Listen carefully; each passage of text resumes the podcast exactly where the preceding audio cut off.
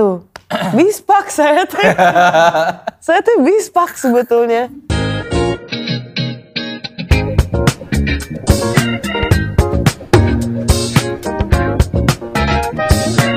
Tripod Show, sit and relax. Mulai ke kelihatan bangkit lagi dari sisi musik itu di era mana? Kan itu 2015 terpuruk. Oh, di era menuju ke pas lagi bikin album 2. Lintasan waktu itu 2017 kan? Iya, tapi itu prosesnya di 2016. Mm.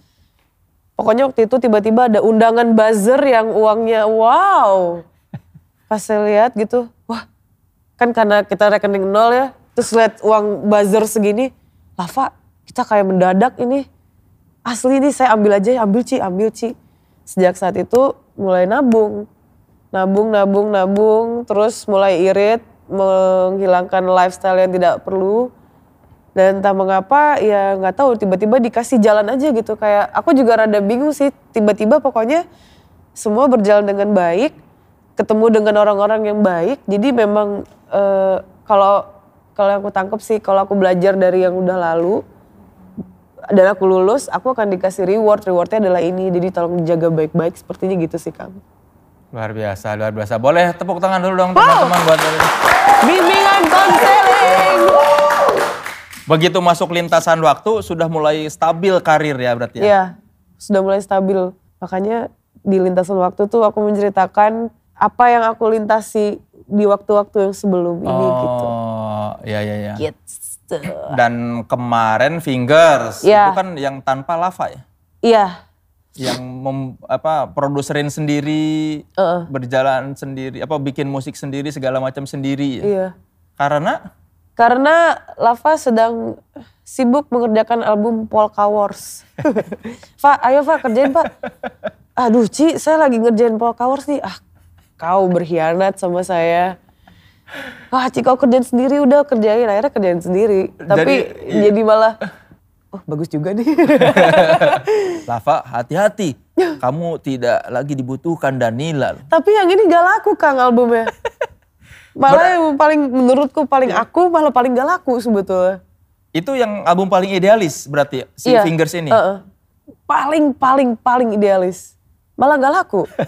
Kembali ke telisik tetap orang-orang senang, orang-orang ingin mendengarkan apa yang ingin mereka dengarkan sebetulnya. Iya ya. Fingers ini begitu personal sebenarnya kan Iya. dari lirik segala macam. Iya. Itu ber- bercerita tentang apa secara keseluruhan album Fingers itu? kan ada judulnya apa sih ada yang telu, apa? Index, ya Index, Tam, iya, ya. Tam. Banyak sih itu ada ada kekuasaan. Hmm. Ada yang menceritakan tentang kekuasaan, ada yang menceritakan tentang percintaan sudah pasti, tentang kematian, terus juga tentang janji gitu Kang. Jadi sangat sangat luas sih dan liriknya mungkin kebetulan bahasa Inggris dan orang Indonesia begitu nasionalis sehingga dia tidak mau mencernanya aku nggak ngerti yang pasti tidak laku aja pokoknya gak selaku yang album satu intinya gitu Atau mungkin ketika baca bahasa Inggris ini artinya apa ya apa ya atau apa maksudnya ke sini sana? Iya, cuman ada yang nge-tweet gitu ngomong, iya Ci kita nggak ngerti maksudnya apa. Udah gitu kan banyak metafor di Iya, lirik iya, itu. Jadi mereka makin gak ngerti. Jadi kayak, ya tapi paling gak energi musiknya ngerti kan? Gak ngerti juga. terlalu gelap gitu. Ini gak bisa diputer pagi-pagi mau kerja. Terlalu sendu gitu. Iya, iya. Orang-orang terlalu ingin menjauhi kegelapan yang ada dalam diri mereka. Sementara aku mengembrace hal itu. Tapi seorang Danila tuh sebetulnya aslinya murung atau apa sih kan kadang-kadang kalau di- kita lihat ada selengean tapi ketika di, mu- di musik tidak terlihat jiwa-jiwa Begitu ya? Iya, karakter Danila di sosmed dengan karakter Danila di musik tuh seperti dua pribadi yang berbeda. Ah tuh aku juga bingung Kang. Kalau di musik nih suruh bawain lagu yang happy-happy. Gak bisa. Hmm. Joget yang apa pesan-pesan moral kan ada lagu pesan-pesan moral kan Iya. yang kayak peluklah temanmu atau apa gitu. Itu gak bisa hati tuh gak ngomong gitu kayak aduh gak mau nyanyi, gak mau nyanyi, gak mau malu, malu, merinding gitu malu. Tapi kalau kalau nyanyi yang sedih-sedih ini apa ini backgroundnya ini gini-gini mau enak gitu. Cuman kalau dari sosok nggak tahu ya mungkin karena sama kayak Kang Soleh sudah terbiasa sedih jadi gak perlu ditampilin kali ya. Aku kalau sosok sih kayak happy happy aja berusaha bukan berusaha sih lebih kayak ya gini aja sih, bingung juga mesti gimana soalnya. Iya. Kan yang lagu karya terbaru Danila adalah eh, soundtrack buat film KKN ya. Ya, KKN di Desa Penari. yap, Judulnya apa lagunya tuh? batas. Batas. Hasif ya yang Hasif Nulis. yang menulis liriknya. Hasif Ardiasyah, salah seorang polisi skena. Polisi skena. Halo Kasih. Halo Hasif. Nah, bekas wartawan Rolling Stone ya, teman Iya. baik Danila juga ya. Itu gi- gimana apa- apa ini kan membuat musik sesuai pesanan ya. Iya. Sedangkan tadi sebelumnya bilang aku tidak suka diatur-atur. Hmm. Enaknya, untungnya pesanannya nggak banyak. Hmm. Cuman kayak tolong jelaskan bahwa banyak peraturan yang mana masih dilanggar khususnya sama anak muda. Karena di film itu kan yang melanggar anak muda. Hmm. Oh iya, iya. Terus musiknya kayak gimana? Musiknya kayak album eh, salah satu lagu di album yang baru Hmm. dan salah satu lagu di album Telisik yang justru paling jarang ada yang dengerin. Oh. Jadi aku ngerasa ada ruang aku yang sebenar-benarnya bisa dikeluarkan, dikeluarkan di soundtrack ini Kang. Jadi aku, Lava, ini yang dipilih ini bukan lagu berdistraksi ada di sana lagi nih. Karena kita punya tiga album tapi orang cuma tahu tiga lagu Lava. Ini orang tahu lagu yang gak jelas loh, Pak. Orang ini. Kita bikin ayo, kita bikin ada jadilah batas gitu. Emang t- tadi soal itu apa dari tiga album yang orang cuma tahu Cuma tiga. Ada di sana, yang banyak yang marak ya ada di sana berdistraksi senja diambang pilu. Ada yang bikin koploknya lagi senja diambang oh itu the best sih. Wah senja diambang pilu dibikin koplok tuh kadang-kadang pencapaian. Terus pernah ada lagu berdistraksi jadi lagu olahraga ibu-ibu. Wah. Siapa pun anda anda gila kayaknya. Tapi makasih makasih banget. Senang sekali Tapi saya. kenapa menurut lo kok tiga lagu itu begitu diterima masyarakat? Karena orang Indonesia itu malu-malu kucing kayaknya deh Kang. Tiga lagu itu menceritakan tentang rindu, tentang ingin memiliki namun ragu ngomongnya, dan juga tentang menjadi orang ketiga. Jadi intinya kalian pada malu untuk bilang kalian cukup tersiksa akan posisi kalian. Tapi di balik itu semua bukan karena liriknya aja, lebih ke aransemennya sih. Kalau menurut aku aransemennya tuh sangat jam 8 pagi banget lah. Ah. Itu tuh cocok banget jam 8 pagi memulai hari dengan yang happy-happy. Ada optimisme ya, meskipun Dia- liriknya bercerita tentang kesedihan. Eh, eh, ya ada ada ada energi optimis di di dalam lagu itu. Ya Tapi mungkin belum itu. sampai bosen kan ny- bawainnya? Kalau nulis setlistnya udah bosen Kang kayak Ci bawa lagu apa? Ah tahu deh apa aja deh. Senja lagi nih ya udah senja. Cuman pas ada kadang kala bukan kadang malah sering gitu di atas panggung ngelihat kan kita bawain lagu baru kan. Hmm. Bodoh amat suapin aja lagu baru. Tapi lama-lama goyang juga hati karena kasihan gitu mereka kayak celinguk nungguin ya. bingung gitu kan. Iya nungguin Apa bawain senja, bawain senja gitu. Ada senja, terus ntar bawain lagu lain lagi bingung lagi. Cuman kayak, wah ini Marahin dong, heh lagu gua tuh banyak. sering kan. Sering. Kalian nih ya yang bilang Danila gendut nih, lo cuma tahu lagu gue tiga, baru follow tiga bulan yang lalu. Tapi lumayan nambahin buat followers buat buzzer kan ya sebagai manusia yang masih mengkonsumsi mata uang. gitu Kang. Kan kemarin main dua film. Bagaimana rasanya main film? Em, capek sih, capek dan eh, satu kata sih capek sih Kang. Hmm. Gak ada lagi yang lain karena sebetulnya proses di film kurang lebih mirip-mirip kayak proses bikin album gitu. Hmm.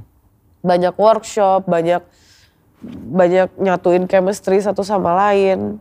Dan ngafalin itu tuh hal yang eh ah kacau deh pokoknya kalau udah ngafalin tuh udah chaos kepalaku. Tapi di balik itu semua ya capek sih karena diulang-ulang. Cuman eh, belakangan ini kemarin sempat mikir seru juga kali ya main film lagi. Hmm. Mungkin karena kita lagi gak ada kerjaan kan ya, jadi kayak seru juga kali ada panggilan lagi gitu. Tapi mau lagi kalau ditawarin. Lihat skrip dulu sih sama yang mainnya siapa. Kalau Nicholas Saputra saya mau. Silakan Riri Riza atau Mira Lesmana bisa main tuh atau ya, Amerika. Katanya apaan Danila main filmnya biasa aja gak usah film saya. ya karena mungkin kemarin kan dapat perannya yang belum terlalu menantang. Tapi ke- kemarin kenapa di kan tahu dari manajernya ini ada Danila menolak tawaran main di film yang kemudian itu jadi salah satu film box office. iya sih. Harus kurus Kang di film itu tuh. Iya, tapi kan bisa, memang harus kurus. Karena banyak adegan yang eh, menggunakan fisik. Tapi padahal kan permintaannya bukan mengharuskan Danila kurus. Bukan sih, harus harus fit, harus. Cuman, nah karena ini kan kita lebih enak goler-goler gitu ya. Goler-goler, nonton TV, main PS, pesen martabak gitu. Jadi mungkin mungkin juga di momen itu aku merasa kok kayaknya bertubi-tubi banget nih film karena aku nggak mau semata-mata dikenal aktris gitu. Oh. Aku lebih suka ada di di musik tuh kayak merem karena aku susah dan seneng aku tuh ada di musik. Aku tuh nggak mau ninggalin itu sebetulnya. Jadi memang belum mau dikenal sebagai musisi dan pemain film. Pengennya musisi, main Musisi. film sampingan. Iya. Kalau terlalu sering muncul di film nanti orang takutnya, ah, pemain film nih Danila Orang gitu. udah ada yang bilang aku youtuber Kang. Sok dari mana tahu YouTube? Oh Danila youtuber ya? Eh eh, eh, eh, deh. Kamu terkenal dari YouTube. Ini orang nggak tahu SoundCloud nih. Kayak kuotanya yang jelek nih gitu. Danila youtuber semua orang yang ada di YouTube dibilang youtuber. Ya terserah lo deh siap bang, oke. Tolong ya, yang nonton di Tripod Show, pintarlah sedikit ya. Jangan sebut Danila YouTuber. Iyalah. Danila memang ada di YouTube, Iya. banyak di YouTube. Tapi bukan berarti dia YouTuber. Yang nonton YouTube saya yang ber- yang tidak berbau musik itu di bawah satu juta paling 400 itu kan bukan youtuber namanya maksudnya kalau saya memiliki standar tinggi terhadap seorang youtuber gitu jadi janganlah sebut saya youtuber saya Iya. tidak Jadi Danila musisi yang punya YouTube. Iya karena itu gratis. Dan itu adalah medium promo musik kita. Yang sulit dipromokan di televisi. Tapi emang udah, eh belum, ini ya, di TV dari 2014 Mhm. belum pernah terbantu sama TV. terbantu banget sebetulnya. Tapi kalau yang ke sini-sini sih nggak dari TV sih Kang di YouTube juga kecil. Oh, kecil YouTube juga. yang gede tuh YouTube itu balik lagi berdistraksi ada di sana terpaut oleh waktu itu. Jadi kayaknya lebih ke nggak tahu entah mengapa belakangan kan kalau misalnya akhir tahun suka ada evaluasi bareng tim kan. Ah. kenapa sih Danila tuh masih ada yang ngajakin untuk manggung di sana di sini gitu? Terkadang eh, mereka tuh suka dengan euforia yang dibuat oleh Danila dan tim di atas panggung dari cara ngomong atau speech. Aku yang acap kali sembarangan tapi tidak aku lakukan ketika itu pensi maksudnya oh, jaga-jaga. Iya. Jadi mungkin itu yang yang yang mereka ingin lihat sih karena kadang-kadang misalnya habis manggung dari mana Kang? Yang direkam bukan pas nyanyinya, pas speechnya Kang. Kan mendingan kita jadi moderator itu atau talk show juga gitu. Wah ini bukan musiknya yang direkam, malah speechnya, quotes-nya gitu. Ya jadi itu yang terkadang eh, membuat mereka ya untungnya mungkin bisa jadi positif sih dari situ sih. Iya, bahkan sampai ada GIF kan kalau di Twitter yang Iya, yang gitu tuh yang itu kenapa ada sampai ada di grup keluarga. Oh, ada? Terus dikirim dari mamaku, "Ade, ini apa ya?" Eh, nah itu ada tulisannya, Mbak. terus apa kata dia? Dia ketawa-ketawa aja sih. Dia cuman, "Wah, gila loh." Terus, "Dek, lu banyak banget ngerokok sih di panggung." Ya kalau tegang kan kadang-kadang pingin yang santai. Kadang soundnya jelek gitu. Mm-mm. Emosi jadinya. Terus kayak, aduh ini harus harus dibikin sit and relax. Cuma kita tidak bisa sit and relax. Karena harus standing dan relax. ya ketika standing dan relax kita harus ngerokok jadinya jadi ya udah aku ngerokok gitu Oh, jadi keluarga tahu ya sosok Danila seperti apa di media sosial tuh ngerti mereka. ngerti dan rata-rata yang rusuh malah teman-temannya mama yang kayak tolong dong anaknya itu kasihan nanti paru-parunya ini. Ya udah ya udah dibilangin sisanya mah urusan dia. Maksudnya ada kontroversi bahkan di lingkungan keluarga tapi Tapi kan yang penting restu Iya, ibu. restu ibu. Mama bil malah mama bilang deh kalau ada botol alkoholnya mama bagi bebas dia bebas ya Kan dari 2014 bikin album pernah berkolaborasi dengan berbagai macam musisi dan ya ter- pernah terlibat berbagai proyek musikal juga. Ada nggak satu yang paling menurut seorang Danila, oh ini berkesan banget nih tidak mengira bakal seperti itu. eh dengan tiga pagi sih sebetulnya. pagi? Tiga pagi. Aku bahkan kolaborasi di panggung juga sama tiga pagi itu kayak beda aja gitu. Mungkin karena aku juga sebetulnya suka dengan karyanya. Mm-mm. Jadi ketika harus bernyanyi bersama dengan orang yang bikin karya-karya itu aku mau banget dan karyanya cocok dengan suaraku Hmm. dan mereka tidak tidak ngambil Danila kan ada yang kayak oh karena Danila lagi hype di era itu misalnya gitu nah tuh enggak tuh biasanya tapi kalau tiga pagi memang karena pingin emang Danila aja yang bisa nyanyiin lagu itu cuma Danila gitu dan pada saat aku denger oh iya cocok dengan segala lika-likunya oh iya cocok oke tiga pagi sih Memang lagu itu terasa dibuat untuk Iya. seorang Danila iya gitu. gitu sih sebetulnya Ada yang pengen ah kolaborasi pengen banget nih sama si ini bikin karya. eh bikin karya tuh sama siapa ya Kalau lokal siapa sih idolanya? Elda Elda. Elda Elda Stars and Rabbit. Heeh. Tapi mungkin kalau bikin karya sama dia aku jiper Kang. Kenapa? Gak tahu ya, aku ngerasa dia tuh udah di situ aja gitu. Magicnya dia tuh ada di situ. Di panggung Stars and Rabbit tuh Elda tuh jadi penyihir aja gitu. Aku merasa sangat tersihir dengan apa pun yang dia ucapkan, dia katakan, dia nyanyikan dan setiap gerakannya tuh menurut aku sah saja gitu untuk Elda. Terus apa ya? eh Mardial mungkin ya Kenapa? karena nggak tahu orangnya suka nggak bener aja gitu. Mardial terus siapa ya? Kadang suka kayak nggak kepikiran kolaborasi dengan siapa sih? Oh, em, Ari Lasso mungkin sih sebetulnya. Ari Lasso. Kenapa? Suaranya bagus, lagunya juga dan eh, apa ya? Nggak tahu sih, cuman terakhir nonton di Synchronize aku masih melihat dia memiliki spirit yang sama gitu. Hmm. Dan aku jadi ngefans bukan sekedar karyanya tapi juga attitude dia sih. Suaranya tuh bener-bener cuma Ari Lasso yang punya lah ibaratnya gitu. Bikin dong lagi tuh lagu, telepon Ari Lasso. Ri, gue punya lagu, Eh, duet yuk. sebuah ajakan yang kasual. Boleh lah. Udah pernah kenal Ari Lasso tapi kan? Pernah sih, cuman dia gitu Kang, kayak malu gitu, gimana sih? Cara Baik kok dia Iya, tah. Kalau udah gini berarti kan malu-malu gimana gitu ya? Kayak, kayak kucing. Iya. Apa ada ada ada deg-degannya lah gitu. Ya kita tunggulah nanti lagu ciptaan Danila yang dipersembahkan untuk duetnya bersama Ari Lasso. Wow, amin. Ya, bikin lah. Bikin dong. Bikin ya. Pandemi susah kan bikin lagu. Orang-orang pada bikin-bikin di rumah. Aku nggak bisa malah, mesti keluar sih, mesti lihat penderitaan manusia-manusia di luar sana. Oke saudara-saudara nanti kita bakal ngobrol-ngobrol lagi sama Danila. Tapi sekarang ada challenge dulu nih, tantangan dulu dan apakah itu tantangannya? Sebuah misteri tentunya. Tetap di Tripod Show. Sit and relax.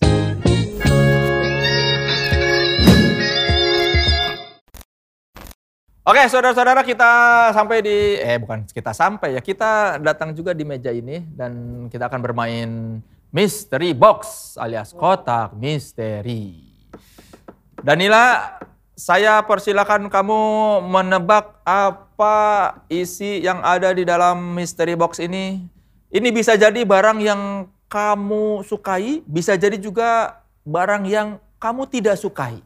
Power bank. Yakin mau jawab itu? Berapa? Saya kasih satu Iya. petunjuk ya. Heeh. Mau phone a friend? Enggak ya. Ini berhubungan dengan bau. Obat. Bisa bau yang kamu sukai, bisa bau yang tidak kamu sukai. Kira-kira. Iler pembohong. Wow, gimana caranya? Sini sini. Mu. Em, obat deh mungkin, obat. Obat. Kita kunci ya jawabannya ya. Silakan dibuka. Terus aku lihat gitu. Iya, dilihat dan dikeluarin. Aduh. Kamu nggak suka apa suka? Apa enggak, suka? aku nggak suka jengkol. aku nggak pernah makan ini dan ini ini tuh yang belum digeprek ya. Iya gak sih? Nggak ngerti, gue juga nggak suka sebetulnya. makanya, kalau- makanya gue juga malas deket-deket. Aku nggak suka ini jengkol karena em, ini apa ya? Mungkin eh apa isu di balik jengkol ini kan bau. Aku nggak suka makanan yang bau dan teksturnya tuh nggak jelas. Ada yang bilang kayak jamur, ada yang bilang kayak kentang. Tapi yang pasti dari namanya sih jengkol itu kurang manis gitu Kang. Kalau jengki mungkin lebih cute ya. Jengki, iya mungkin lebih cute. Tapi ketika lu makan apa dan jengkol tuh kurang terlalu strong gitu dari vocabulary kan kalau makan apa dan sayur eh, sawi atau sawi putih. Ya, Atau kakak baby Kailan. Ah, Wah, imut banget iya, kan. imut. Atau Makan apa nih? Choy. Nah, terkesan gimana gitu? Kalau jengkol enggak sih. Jadi kita letakkan lagi, mungkin ada yang mau makan di sini, silakan Ya, dan misteri yang box makan lagi. jengkol itu biasanya tidak berhenti di meja makan, tapi bawa-bawa ke kamar mandi ya. Itu berapa lama sih Kang hilangnya? Iya, nggak tahu sehari sehari kayaknya sih. Tapi Kang Soleh pernah makan ini? Enggak, saya Enggak tidak juga. suka. Wah, belum nyobain tapi. Tidak tertarik juga. Iya, aku juga tidak tertarik. Aku sama. Ada beberapa hal yang memang prinsip tidak boleh dilanggar ya. Ya, tidak boleh coba-coba. Ya jadi ini buat kita di sini indahnya toleransi ya buat para pecinta jengkol. Mohon maaf kalau kami berdua tidak suka jengkol. Iya, mohon maaf. Mohon maaf. Ya dan sadar diri juga kalau habis makan jengkol janganlah kencing di kamar mandi yang dipakai rame-rame. Pernah nggak datang ke WC terus, uh bau kan nggak enak. Ada bau yang nggak jelas ya. Itu bau jengkol. Karena kalau yang petek kan agak agak apa ya, agak nusuk gitu. Yang ini mungkin enggak, tapi bau. Lebih nusuk ini tahu. Emang iya ya? Kalau dibuka Berarti ya kan. sama aja lah kayaknya. Iyalah dua-duanya. Oke kalau gitu kan tadi Danila bercerita dia tuh kalau yang sedih-sedih atau menderita gampang sekali dijadikan inspirasi lagu. Bagaimana kalau kita minta Danila membuat lagu yang bertema jengkol? Karena sangat menyiksa. Padahal udah dibilang ya, nyebutnya tuh jelek. Kebayang dia masuk lirik gimana ya? Ah ini nih. Coba mas, maskernya dulu mas. Atau itu adalah bagian dari konsep. Wah jengkol ya. Aduh duh. Jengkol. Ah gila udah lama banget nggak main gitar, kita pakai chord-chord indie aja ya. Oke, si chord-chord indie ada senja dan kopinya dong. Aduh duh. Alas, Ini setem dong Danila, kamu bisa nyetem nggak? tidak semahir Mbak Resa, eh Mbak Enda di Enda Hendresa. Bisa sambil pacaran lagi. Dari belakang kan, kalau Enda Reza kan bisa sambil sambil peluk-pelukan di itu sambil tetap ma- manggung, sambil dipeluk suaminya, sambil nyanyi, sambil nyetem. Gila. Oh itu nggak bisa sih aku, masih fals juga.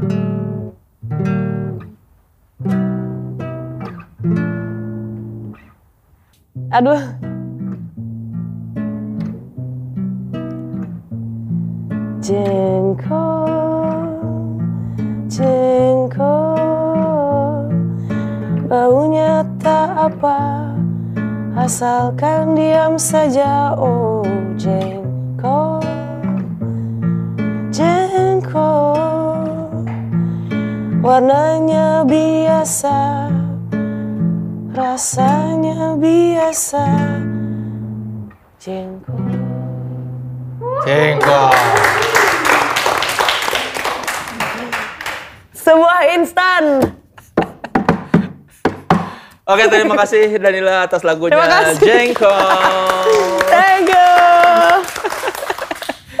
Cepat sekali ya, memang kita bisa melihat bahwa ternyata Danila memang musisi yang berbakat ya. Dikasih lagu, ditodong, bisa bikin lagu. Ya, karena ada unsur pressure tadi.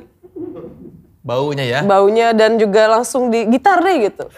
Terus yang ngasih kan pakai rokok juga gitu. Jadi Iya, wah, iya. sebuah pressure yang Kasih tinggi ya. gitu. Jadi Dia bisa. berangkat dari rumah tahu bakal ketemu Danila mem- mencari masker-masker yang dia rasa ganteng. Tapi Mas boleh nggak lihat ke sini? Aku pengen lihat detailnya gitu loh. Sini sini kasih lihat sini. sini. Ini sebuah contoh yang ya terserah lah. Di sini, di sini, di tengah. Yang namanya selera memang susah buat diperbincangkan. ya. Oh, Kang Soleh tekstur uh, jambeng aslinya dia Heeh. sama dengan yang digambar. Oh, Dia iya. pilih ini ini dan kalau dari depan ini seperti tidak ada. Iya, seperti tidak pakai masker. Iya. gitu. Oh, Oh karakter. Murah senyum ya. Oh, bagus bagus bagus bagus. Makasih ya Mas ya. dibuka pun kulitnya memang begini belang itu. Oh gitu. ada hitam-hitam di sini. Oke, terima kasih ya Danila sudah bermain di Mystery Box. Kita Sama-sama, bakal kasih. ngobrol-ngobrol lagi dengan Danila setelah yang berikut ini. Tetap di Tripod Show, sit and relax. Oke, saudara-saudara kembali lagi di Tripod Show masih bersama Soleh Solehun dan Danila Jelita Putra Riyadi. Putra. Eh Putri, Putra salah salah. Tadi kita sudah main game ya, sungguh men- menyenangkan ya. Menyen- menyenangkan, menegangkan, menggembirakan. Wow, luar biasa. Sekarang kita ngobrol-ngobrol hal yang mungkin banyak juga jadi pertanyaan netizen kepo dan netizen usil ya. Ada ya, ras-ras netizen tuh ada ya. ada lah pastilah yang Iya sih.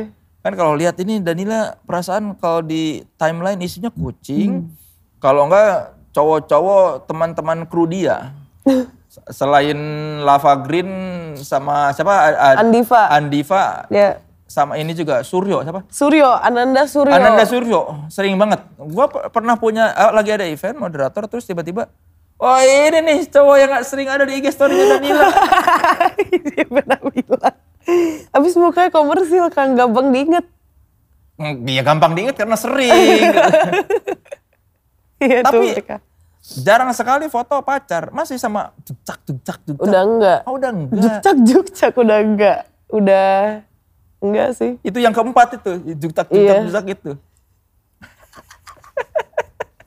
ya silakan kalian pikir sendiri, carilah itulah. Di, di, di timeline masih ada. Masih ada fotonya dia Ya. ulang tahun waktu itu. Duktak duktak duktak. Duktak duktak duktak. Sebuah duktak duktak duktak band idola anak muda juga banyak. Musiknya bagus. Ya, bagus. musiknya Saya saya bangga. Oh, ah seleranya oke nih, selera musiknya oke. nih. ya, selera, ah, ya aku juga suka karena salah satunya karena musiknya sih. Berarti sekarang tidak punya pacar ya? Ada sih. Tapi kenapa tidak pernah dipamerkan di sosmed? Biar disangka single terus, Kang.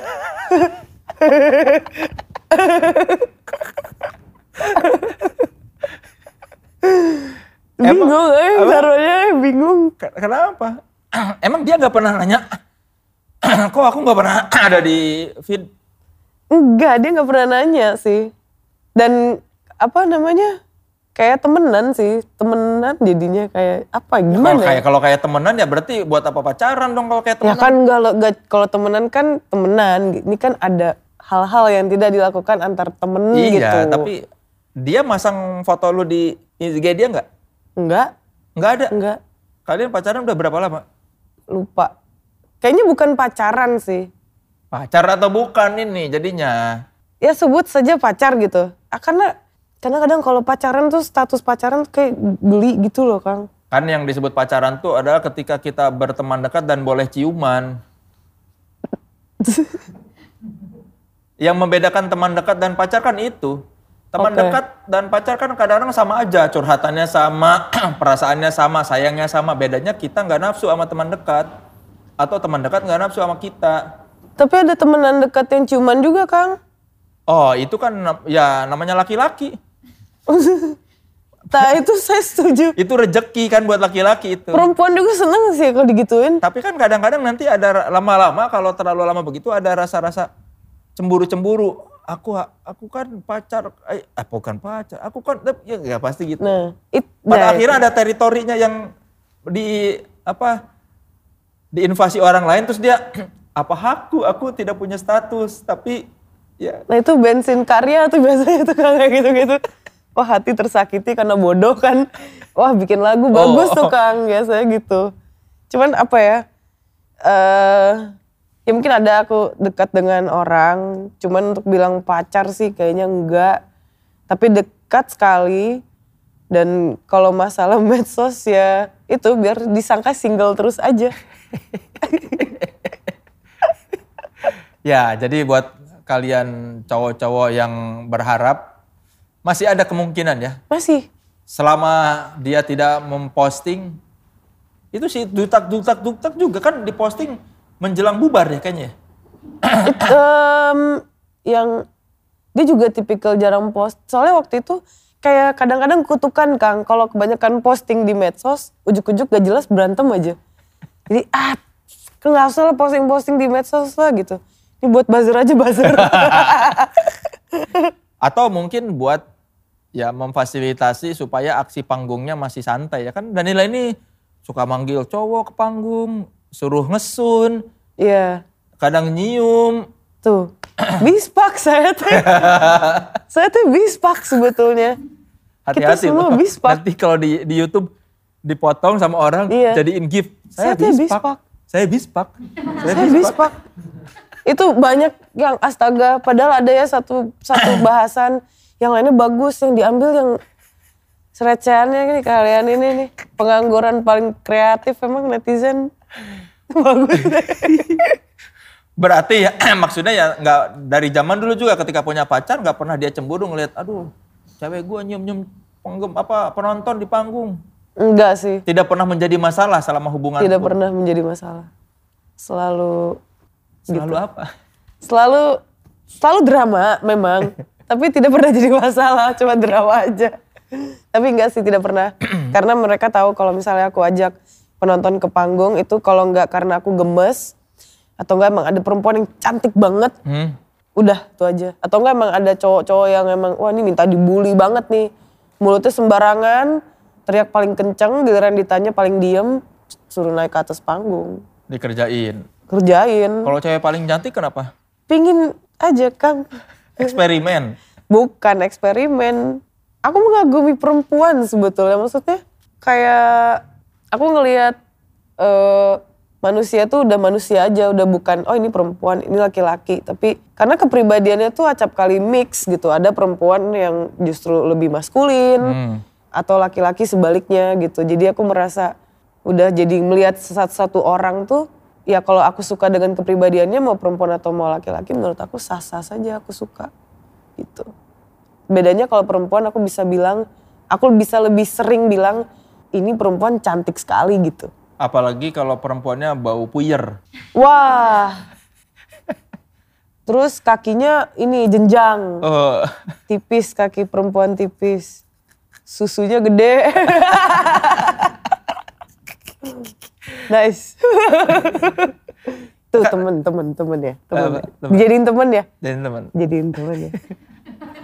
Kan seorang Daniel ini ya itu lah sering ngomong vulgar sampai dipotong-potong di Iya. medsos. Ada ini enggak rasa bahwa wah kan subscriber apa followers gue sekarang banyak anak kecil juga merasa takut diikutin apa gimana? eh enggak sih, karena aku waktu kecil juga lingkunganku tuh banyak banget yang tukang mabok gitu. Dari kecil udah dengar kata-kata yang vulgar, karena kan mainnya di kampung yang Di mana sih? Bukan kampung sih, Ya daerah mana? kebon baru. Kebon Baru. Kebon baru tuh deket Asembaris, deket Bukit Duri. Mm. Nah daerah dari situ masih banyak anak-anak yang arif. Arif, kelakuannya tuh arif, mainannya masih arif. Terus mulutnya juga sembarangan gitu ngomongnya. Dan itu kembali kepada eh, orang tuanya sendiri menurutku sih. Jadi aku tidak, aku akan behave gitu. Ketika dia di lebih ke gini, misalnya aku ada di televisi, eh, aku tahu itu live dan yang nonton semua umur, aku akan behave. Pasti aku akan akan lebih kalem dan lain sebagainya. Cuman kalau misalnya internet, sorry sekali lagi. Kalau misalnya, waduh, ya. berarti selama ini aku horny sama diriku sendiri kan kayaknya kan. Pantesan aku senang berkaca. Iya. Iya jadi kalau kalau misalnya di internet menurut aku agak rancu gitu untuk untuk bilang nanti kan yang nonton anak kecil ini atau atau nanti ada yang ngikutin. Jadi menurut aku enggak eh, itu urusan urusan anak kecil itu dengan orang tuanya karena aku punya banyak teman-teman yang sudah eh, punya anak dan dia memiliki parental kontrolnya sendiri dan menurut aku itu yang seharusnya dilakukan oleh orang tua zaman sekarang jadi tidak hanya menerima a a a a tapi kalian juga buat filter untuk anak kalian mau dibuat seperti apa gitu menurut aku sih Iya. iya. sejauh ini sih untungnya eh, followersku tidak ada yang anak kecil. Kalaupun ada yang SMA lumayan banyak banget.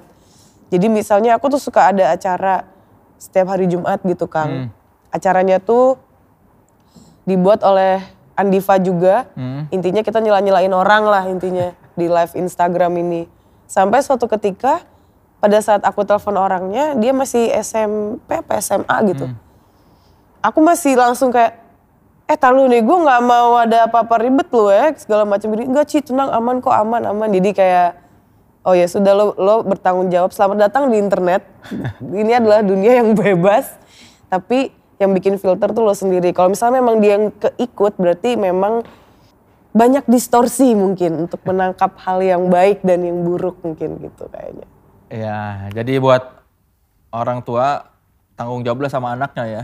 Iya, karena orang tua aku begitu, dia ngomong sembarangan dan lain semacamnya, tapi dia juga ngasih tahu kalau ini tidak baik, ini baik dan segala macam. Dulu kan belum ada marak internet ya. Dan aku lihat ya itu tadi teman-teman aku yang cukup strict untuk ngasih tahu tidak boleh sering-sering menggunakan internet, tapi paham esensinya. Jadi menurut aku kayaknya sebetulnya kita bisa lebih terdidik sih kalau orang tuanya bener mah. Tanpa Danila pun orang apa anak-anak bakal denger yang ngomong jorok sih ya Iya, di lingkungan. Iya pasti dan dan kasihan kalau mereka nggak update gitu Kang. Lagi ngumpul nih, ada kata misalnya mikrofon tuh kata jorok ya. Hmm. Wah mikro, mikrofon lo gitu. Eh apa tuh mikrofon gitu. Aku pribadi ada di lingkungan teman aku, aku harus update gitu. Seumuran kita itu ngomongin apa. Yang membedakan adalah si anak ini harus tahu kalau itu tidak boleh diucapkan di orang tuanya gitu. Iya. Nah itu saya diajarkan oleh orang tua saya. Terima kasih. Ya jadi cukup tahu aja kalau di depan orang tua jangan. iya. Di, di pergaulan boleh. Ya silakan, karena tidak ada orang tuanya dan kan emang harus update gitu loh. Menurutku sih kayak gitu. Pertanyaan terakhir nih, punya celebrity crush nggak seorang Danila ini? Nikola Saputra, Kenapa? wah aku nggak tahu sih kenapa ya. Mungkin berawal dari ada apa dengan cinta, Ah. Yang mana dia selalu menjadi, pokoknya kan Dian Sastronya nih versi cowok ke ceweknya kan. Hmm. Nah ceweknya tuh sukanya Nicholas. Cuman sejak detik itu aku melihat eksistensi Nicholas Saputra di dunia seni ataupun TV, film itu pemilih banget gitu Kang. Hmm. Dan menurut aku itu adalah langkah yang itu kayak sikap sih jadinya. Jadi gemas Kang. Terus ganteng lagi. Ganteng banget. Jarang selfie lagi Kang. Iya, sekalinya selfie di delete 24 jam kan. Iya. Kan jadi kita cukup boleh tahu karakternya tapi tidak seberapa senti kerut-kerut wajahnya gitu. Oh. Itu membuat saya jadi penasaran sih. Berarti waktu film AADC keluar baru umur 12 tahun dong? Aku tahun 90 iya ya. Iya, Iya. 2002. Itu nonton di bioskop Nonton, AADC. nonton. Berarti waktu kecil tuh udah bergejolak ya nonton itu. Sud sudah, oh ya, sudah, sudah, sudah. Aku tuh mimpi jorok SD Kang. Kelas? Kelas, aduh lupa lagi, kelas 4 apa ya? Mijitin Mark Westlife punggungnya sih. Kan dulu ada iklan Rainbow, Rainbow, Rainbow itu tahun berapa sih? Pokoknya itu lagi hits banget sampai akhirnya mimpi jorok, tak mijitin punggungnya Mark Westlife. Sejorok apa? Ya dulu sih buat anak SD Udah itu cukup erotis jorok ya? ya. sudah sudah sangat erotis dan bangun-bangun kayak kok hilang gitu. Ke mana dia? Terus setiap kelihat wajahnya tuh ada rasa yang kok berbeda gitu. Tapi yang aku dengar dia ternyata suka dengan sesama jenis ternyata. Jadi tidak bisa Iya. kita sikat. Mungkin memang Danila punya kecenderungan suka sama cowok-cowok yang suka sesama jenis ya. Oh ya? Ya kan gua mungkin. Mung- ya. Ya Mark Westlife Mark itu kan. Itu mimpi basahnya itu gitu ya. Iya. Ya bisa Senang tapi bahagia ketika bahagia Kang. Udah mana bibirnya gincu banget lagi. Kayak pakai lipen stick tuh nggak merah banget di pantai. Terus dia cuman ngomong pakai bahasa Indonesia tapi pijitin punggungku dong. Wah, Mark, kamu bisa bahasa Indonesia? minta pijitin punggung lagi. Wah, gila. Sadis. Itu mimpi yang paling kuinget sih. Jadi ketika nonton ADC dan melihat Nikola Saputra itu sudah wajar menurutku gitu. Kalau berarti celebrity crush luar negerinya siapa? Wah, luar negeri agak banyak sih. Yang paling eh waduh. eh aduh, yang yang main kick ass siapa tuh? si ini yang cewek. Yang cowoknya. Oh ya, Nicolas Cage bukan? Bukan. Kok Nicolas Cage ternyata seleranya. Ah, sama-sama cowoknya Nico. yang main kick ass siapa sih namanya? Pokoknya di film kick ass ada cowoknya rambutnya keriting, gondrong Ingat- gitu. Ingatnya mah cuma Ingetnya Chloe muka Moretz. sama eh, ya Chloe Moretznya juga wow banget sih. Yang cowoknya siapa ya? Coba silakan di googling siapa kick ass coba. Googling gu- gu- kick ass. Oh, Eh kan kita mau ngebahasin ngapain nungguin jawab di komen. Ada internet masih nunggu jawab di komen. siapa itu? siapa? Yang keriting kan? Ya itu dia. Siapa? Aaron Taylor Johnson. Kenapa? Seksi Kang. Seksi di film itu kan. Iya. Dan di beberapa film yang lain sih. Tapi kadang-kadang kita tuh jatuh cinta atau kagum sama seorang aktor sebenarnya kita jatuh cinta sama karakternya. Iya, iya sih, iya. Karena pas date oh, orangnya emang gak gini. Kita Iya, tuh iya. jatuh cinta sama karakternya mungkin. Makanya aku bingung, cuman kalau sekarang di kepala aku adanya itu. Terus Kenapa? ada- Karena karena apa dia seksinya? karena di mungkin karena di film itu dia geek ya. Aku suka sama cowok yang geek sebetulnya. Karena biasanya yang geek itu playlistnya bagus. Terus pembahasannya tuh menarik gitu. Karena aku pribadi tidak tidak tidak berada di dunia-dunia yang kayak anak mobil atau apa yang mungkin ya let's say dulu bilangnya anak gaul gitu. Aku tidak tidak ada di era itu. Ada tapi tidak di situ. Jadi ketika geek itu terkadang isi kepalanya mereka tuh jauh lebih liar gitu loh, Kang. Iya. Jadi menurut aku karena mereka banyak sekali menyimpan informasi yang dalam, jadi aku merasa itu hal yang seksi buatku. Hasib tuh geek banget tuh. Nah, tapi dia masih minum gula terus sih sampai sekarang. Hasif geek, ya. Tapi menurut lu Hasib punya daya tarik visual nggak sebagai seorang laki-laki? Kasif, aku ditanya Kak Soleh ya. Ada sebetulnya. Ada. Ada. Sip. Terus? eh cara dia memperhatikan atau meretas musik. Menurut aku itu adalah salah satu sisi seksinya Hasif. Dia ada kesempatan nggak kalau gitu? Em, aku sudah menganggap dia seperti saudaraku sendiri. Jadi memang begitu Sekali adanya. lagi Danila saya ingatkan kami laki-laki tidak ingin dijadikan saudara oleh perempuan yang kami nafsui. Itu terjadi Kang, tapi Kang. Terkadang ada kita ketemu orang itu kayak nggak bisa diapa-apain selain jadi saudara walaupun temenan gitu. Iya gak sih? Ya friendzone lah itu. Eh, friend Jarang zone. sekali, sedikit sekali cowok yang bisa keluar dari lembah friendzone ya. Kenapa tuh? Karena hanya udah begitu jatuh udah nggak mungkin, udah tidak terselamatkan. Hanya segelintir orang yang bisa keluar dari lembah friendzone. Itu ibaratnya seperti Bruce Wayne ketika dijeburkan ke penjara Ras Al Ghul itu loh. Hanya dia dan si putrinya Ras Al Ghul yang bisa keluar dari penjara itu. Jadi hanya sedik segelintir cowok yang bisa keluar dari jurang friendzone. Oke. Itu sekali eh, apa berkah sekaligus musibah sih sebetulnya kalau jatuh ke lembah friendzone. Karena akan selalu berada di sampingnya kan sebetulnya. Iya. Tapi kan hasratnya ing- ingin memiliki, ingin dianggap sebagai laki-laki yang juga punya daya tarik seksual. Iya sih. Ya gak tau juga sih ya. Kalau misalnya dikerahkan tiba-tiba jadi super seksi bisa jadi dia keluar dari lembah itu Kang. Iya, tapi hanya sedikit sekali. Iya, itu Ketika cewek sudah menetapkan, aku hanya menganggapmu sebagai seorang teman, udah itu. Cewek itu teguh pendiriannya. Eh, bukan mungkin bukan teguh ya. Eh, ingin coba yang lain. Saya tidak bilang cewek itu teguh, tapi memang eksperimental sekali. Oke.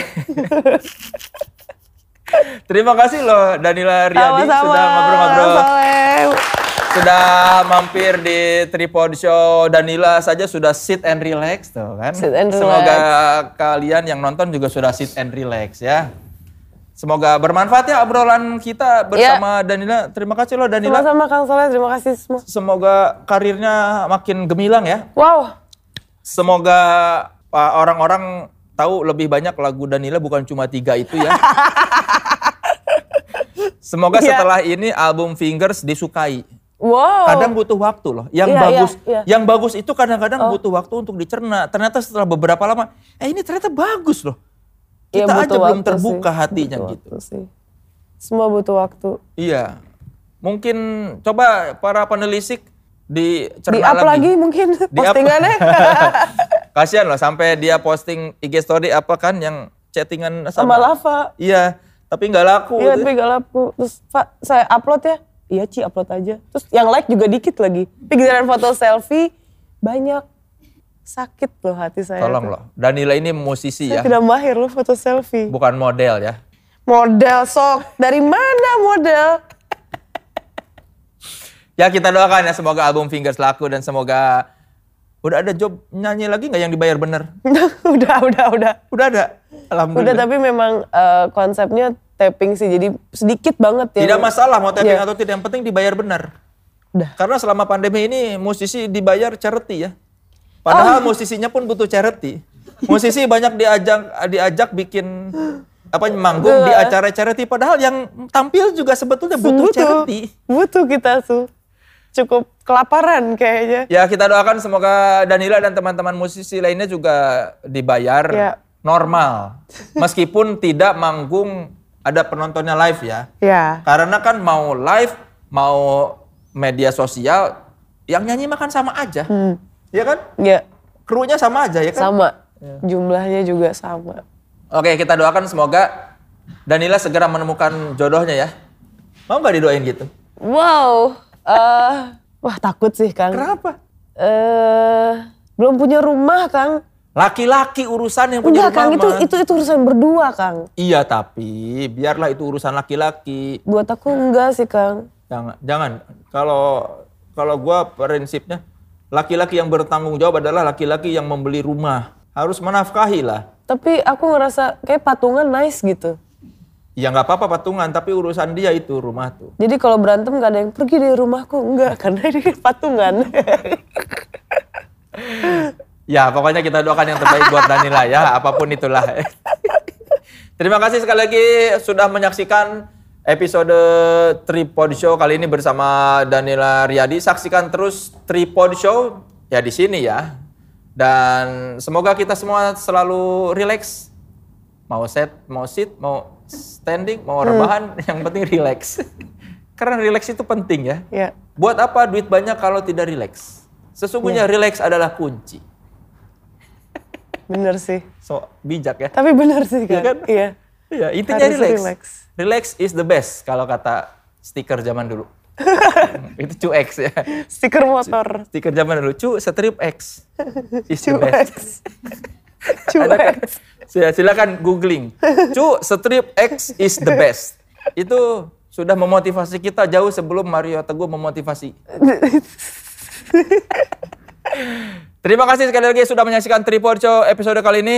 Saksikan Tripod Show berikutnya dengan bintang tamu yang juga menarik. Sampai jumpa di episode Tripod Show berikutnya. Saya Soleh Solihun. Saya Daniel Riyadi. Sit and relax.